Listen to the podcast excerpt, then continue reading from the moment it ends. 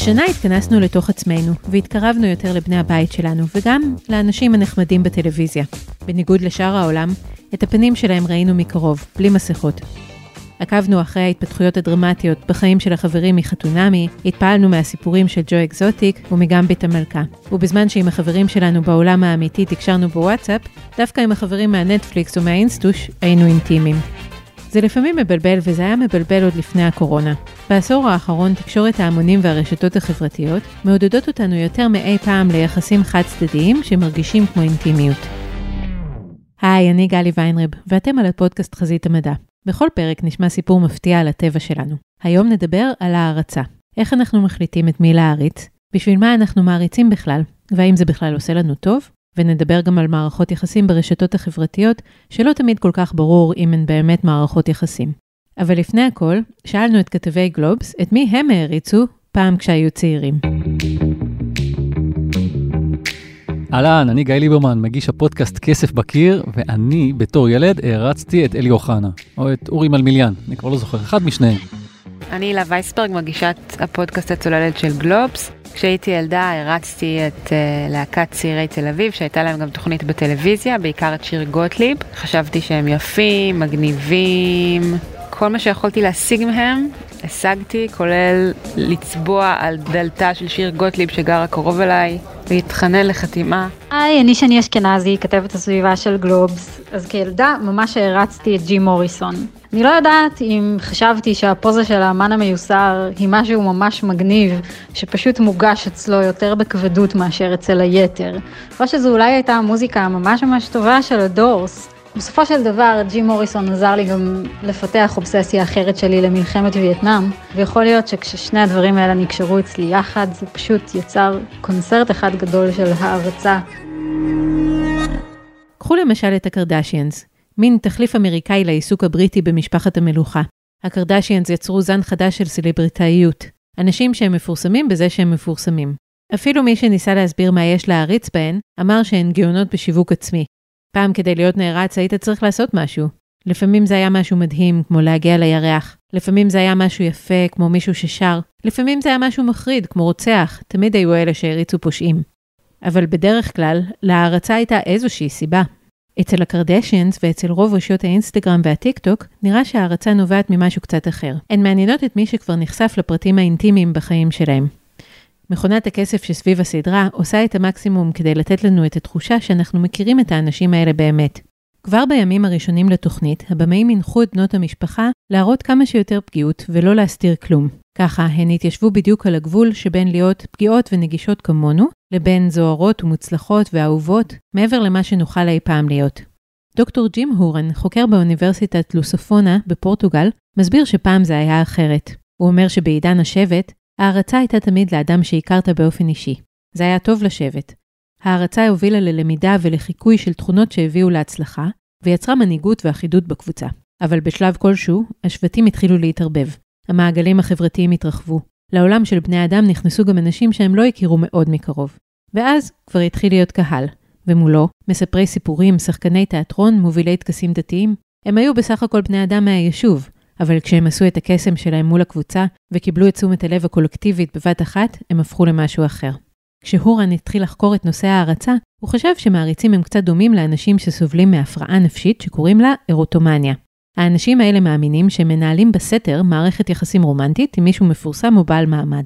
במציאות, אותו בן אדם אולי לא מכיר אותם בכלל, אבל הם משוכנעים שהוא מעביר להם סימנים. זו לא הפרעה נפוצה, אבל תועדו מקרים, למשל של אישה שחשבה שמלך אנגליה בזמנו, מעביר לה מסרים כשהוא משאיר את התריס פתוח או סגור. הם אף פעם לא נפגשו, ולא היה לה שום הסבר טוב מדוע לדעתה הוא מאוהב בה. לפעמים האירוטומנים מדמיינים שהם מנהלים מערכת יחסים עם אנשים שכבר בכלל לא בין החיים. הם אפילו יכולים לדמיין שבמסגרת הקשר הזה נולדו ילדים, אבל הם מתו או נחטפו. זו פגיעה ממשית בתפיסת המציאות.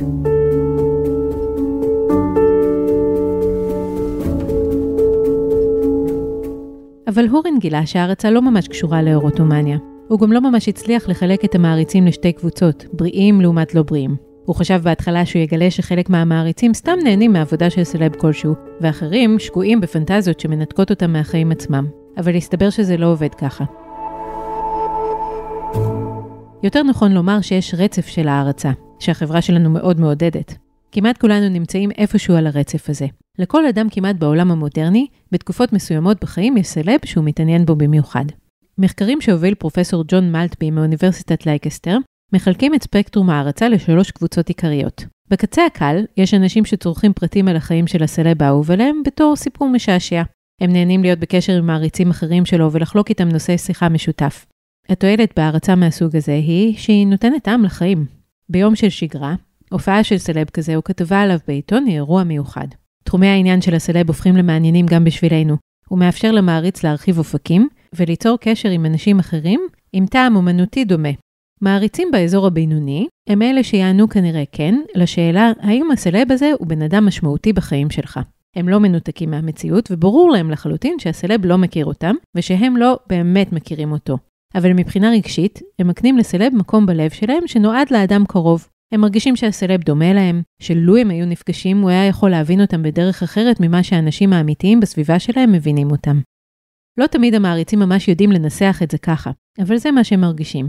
יש לתחושה הזו ערך. היא יכולה לגרום לאנשים להרגיש שהם יותר מובנים לעולם, יותר מוערכים בו, מתוקף התחושה שהסלב הזה היה יכול להבין אותם יותר מאחרים. התקשורת של ימינו מזינה את התחושה הזו באופן מיומן ביותר. היא בעצם רוכבת על מאפיינים של מערכות יחסים דו-צדדיות, מערכות יחסים בין שני אנשים רגילים, כדי ליצור תחושה של אינטימיות בין מעריץ לסלב. בין חברים, כשמישהו מגלה לנו פרטים אישיים מהחיים שלו, צדדים פגיעים שלו, זה סימן שהוא סומך עלינו. זה סימן שאכפת לו מאיתנו מספיק כדי לדבר איתנו על הדברים האלה. בדרך כלל במצב כזה, גם אנחנו נספר דברים כאלה על עצמנו. החשיפה ההדדית היא חלק ממה שיוצר את תחושת הקרבה. בתוכניות ריאליטי, בראיונות לטלוויזיה או לעיתון, ברשתות חברתיות וגם באומנות עצמה, סלבס חושפים את המחשבות העמוקות שלהם. באירועי ספורט, אנחנו רואים מקרוב את הפנים של הכוכב ברגעים הכי חשובים ודרמטיים בחיים שלו. קשה לו לפרש את זה לרגע, ברמה הרגשית, כאילו חלקנו עכשיו עם האדם הזה רגע אינטימי. אבל המעריץ לא יכול לדעת מה האופי האמיתי של המפורסם. אולי הוא בכלל לא באמת דומה לנו, ולא היה מעריך ומבין אותנו, אולי הוא בכלל לא בן אדם כל כך מוצלח, ובכלל לא כדאי להיות חבר שלו. אז רוב המעריצים נמצאים בקבוצה הראשונה, או בקבוצה השנייה שעכשיו דיברנו עליה. הקבוצה השלישית היא של מעריצים שמפתחים ציפיות לא מציאותיות לגבי הקשר עם הסלב. הם יכולים להפוך אובססיביים כלפי הסלב בצורה שמנתקת אותם מהעולם שבו הם חיים, או שהם יכולים לנסות להפוך את הקשר לדו-צדדי. לפעמים זה עובד, אבל אם לא, הם עלולים להפוך להיות סטוקרים. אבל אלה המקרים הנדירים. גיל ההתבגרות הוא לרוב השיא של ההערצה. בילדות אנחנו נמשכים אחרי דמויות פיקטיביות לגמרי, אבל בנעורים ההערצה נודדת לאנשים אמיתיים. זה לא מפתיע. שמעתם את הכתבים שלנו בתחילת הפרק, הם לא שונים במיוחד מאף אחד אחר. נערים ונערות מחפשים מודל לחיקוי והשראה מחוץ לבית הספר ולסביבה המיידית. הנערצים הם מין גלריה של סוגי מבוגרים שאפשר להיות. גם אם הם נערים בעצמם, יש להם חיים של מבוגרים. הם בעלי מקצוע, מעמד וכוח בעולם. ההערצה מושכת את בני הנוער להרחיב את מעגל ההתעניינות שלהם מעבר לסביבה שלהם. וזה תהליך שמתבגר אמור לעבור. וכשההערצה מקבלת מאפיינים של משיכה רומנטית, זה מאפשר לנערים ולנערות לבדוק את הרגשות האלו בסביבה בטוחה, לפני שהם משתמשים בהם בעולם האמיתי.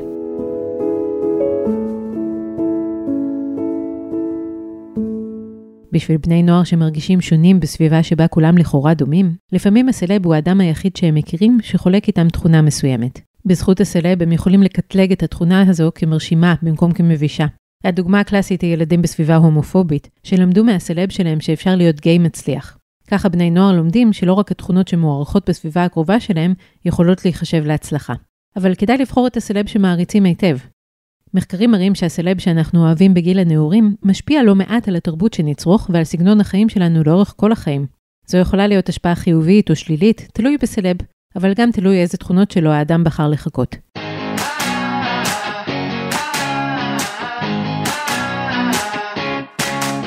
הנעורים הם זמן השיא של ההערצה אצל רוב האנשים, אבל גם מבוגרים מעריצים, לא כולם ולא תמיד. בדרך כלל הם עושים את זה כשהם צריכים תמיכה כלשהי.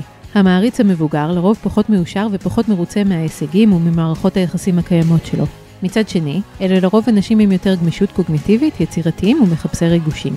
קשה להם עם החיים עצמם ומערכות היחסים הדו-צדדיות הרגילות שלהם. הם מחפשים השראה במקום אחר. לעתים קרובות אלה האנשים שנמצאים בתהליך כלשהו של חיפוש עצמי, למשל אחרי אירוע קשה ומשמעותי כמו גירושים, פיטורים או אבל. הורן אומר שמעריצים הם לרוב אנשים פחות מאושרים ויציבים מלא מעריצים. אבל לא ברור מה הביצה ומה התרנגולת. הוא מאמין שההרצה נועדה במקור להיות מנגנון מועיל לטובת בריאות הנפש שלהם. היא מאפשרת להתמודד עם תקופות לא מספקות בחיים או עם משבר זהות. לפעמים ההערצה עוזרת להם לבנות כיוון חדש, ולפעמים היא מאפשרת להם לנוח במקום קצת פחות כואב, לפני שימשיכו הלאה. אבל לפעמים היא נותנת אשליה של תחליף ליחסים האמיתיים, שמונעת מהם למצוא כיוונים חדשים בחייהם. דיברנו הרבה על האישיות של המעריץ והמצב הנפשי שלו, אבל זה כנראה לא הדבר הכי משמעותי שיקבע אם נמצא את עצמנו ביחסים של הערצה. חשובה לא פחות רמת החשיפה שלנו למדיית המונים. הכוח של אשליית האינטימיות הוא כל כך חזק, שהיא מושכת גם אנשים שהם לא במצוקה או בתהליך חיפוש. זה יכול לקרות לגמרי במקרה. בתקופה שבה אנחנו חיים, לא כל מי שאנחנו מפתחים איתו מערכת יחסים חד צדדית הוא סלב. אותה אשליית אינטימיות קורית גם ברשתות החברתיות מול סלבריטאים מאוד מקומיים, או אנשים שהם לא סלבס בכלל. אם להיות הוגנת, אותה אשליה יכולה לעלות גם בהאזנה לפודקאסט. בכל זאת, אנחנו מדברים ישר לתוך הראש שלכם. אפשר לומר שבעולם שלנו, יותר ויותר מערכות יחסים הופכות להיות מערכות יחסים פרסוציאליות. זה השם שניתן לקשרים שיש להם אלמנטים של מערכת יחסים, אבל הם לא בדיוק. מערכת פרסוציאלית היא כל מצב שבו צד א' מכיר ומחשיב את צד ב' כגורם משמעותי בחיים שלו, וצד ב' לא חושב שיש לו עם צד א' מערכת יחסים. רשת חברתית שבה יש אנשים שמשתפים המון, ואחרים בעיקר קוראים, יכולה ליצור את האשליה הזו, ואנחנו לא כל כך רגילים עדיין להתגונן מפניה. רוב הרשתות החברתיות של היום בנויות על תקשורת שבה אחד משדר, ואחרים הם קהל. לפעמים הקהל מגיב, ונוצרת שיחה, ואז כן קיימת תקשורת הדדית. לפעמים אנחנו מחליפים תפקידים. פעם אחד משדר והשני קהל, ופעם להפך. אבל לפעמים, אחד בעיקר משתף, והשני בעיקר קורא או צופה או מגיב תגובות שכיחות. בהחלט יכול להיות שהצופה יבלה את כל היום במחשבה על מה שהמשתף שיתף, אבל המשתף לא יחשוב על הצופה בכלל. אולי הוא אפילו לא יודע להבדיל בינו לבין מגיבים אחרים. במקרה כזה, לא תמיד אדם מבין עד הסוף שהוא במערכת יחסים שהיא כמעט פרסוציאלית. הוא לא תמיד ישים לב שהוא מכיר את המשתף הרבה יותר ממה שהמשתף מכיר אותו בחזרה. גם המשתף לא תמיד יבין שיש לו הרבה חברים אינטימיים שהוא בכלל לא מכיר, שיודעים עליו המון ומרגישים קרובים אליו, אפילו מחשיבים אותו כחלק מהחיים שלהם. פוליטיקאים, סלבס או אושיות רשת מצליחים במיוחד ביצירת תחושה של מערכת יחסים עם הקהל. זה מעלה את הסיכוי שנקנה את מה שהם מנסים למכור. לפעמים מי שאנחנו מדברים איתו ברשתות החברתיות, זה בכלל לא הבן אדם שאנחנו מעריצים, אלא מישהו אחר שמייצג אותו. בעתיד אולי זה בכלל יהיה בוט. היום הקשרים הפרסוציאליים האלה מגיעים לחיים שלנו הרבה יותר מוקדם מבעבר. ילדים צופים בסרטונים בהם ילדים אחרים מככבים וחושפים את המחשבות היומיומיות שלהם. הם יודעים שהילדים האלה לא מביטים בהם בחזרה, אבל לפעמים קשה להם באמת להבין את זה ברמה הרגשית. כנראה שבשנים הקרובות אחת המיומנויות הסוציאלי כשהוא פוגש את מושא ההערצה שלו, מה ההדדיות של מערכת מתפכח ומגמגם, לא בהכרח אומר הורן. אנחנו, לפעמים אין לו באמת אפשרות לקלוט את הפער בין מערכת היחסים שיש לו בראש לבין האדם שמולו. המעריץ שמח להודות לסלב על כל מה שהוא עשה בשבילו. מבחינתו, לפחות עכשיו הסלב יודע שהוא קיים.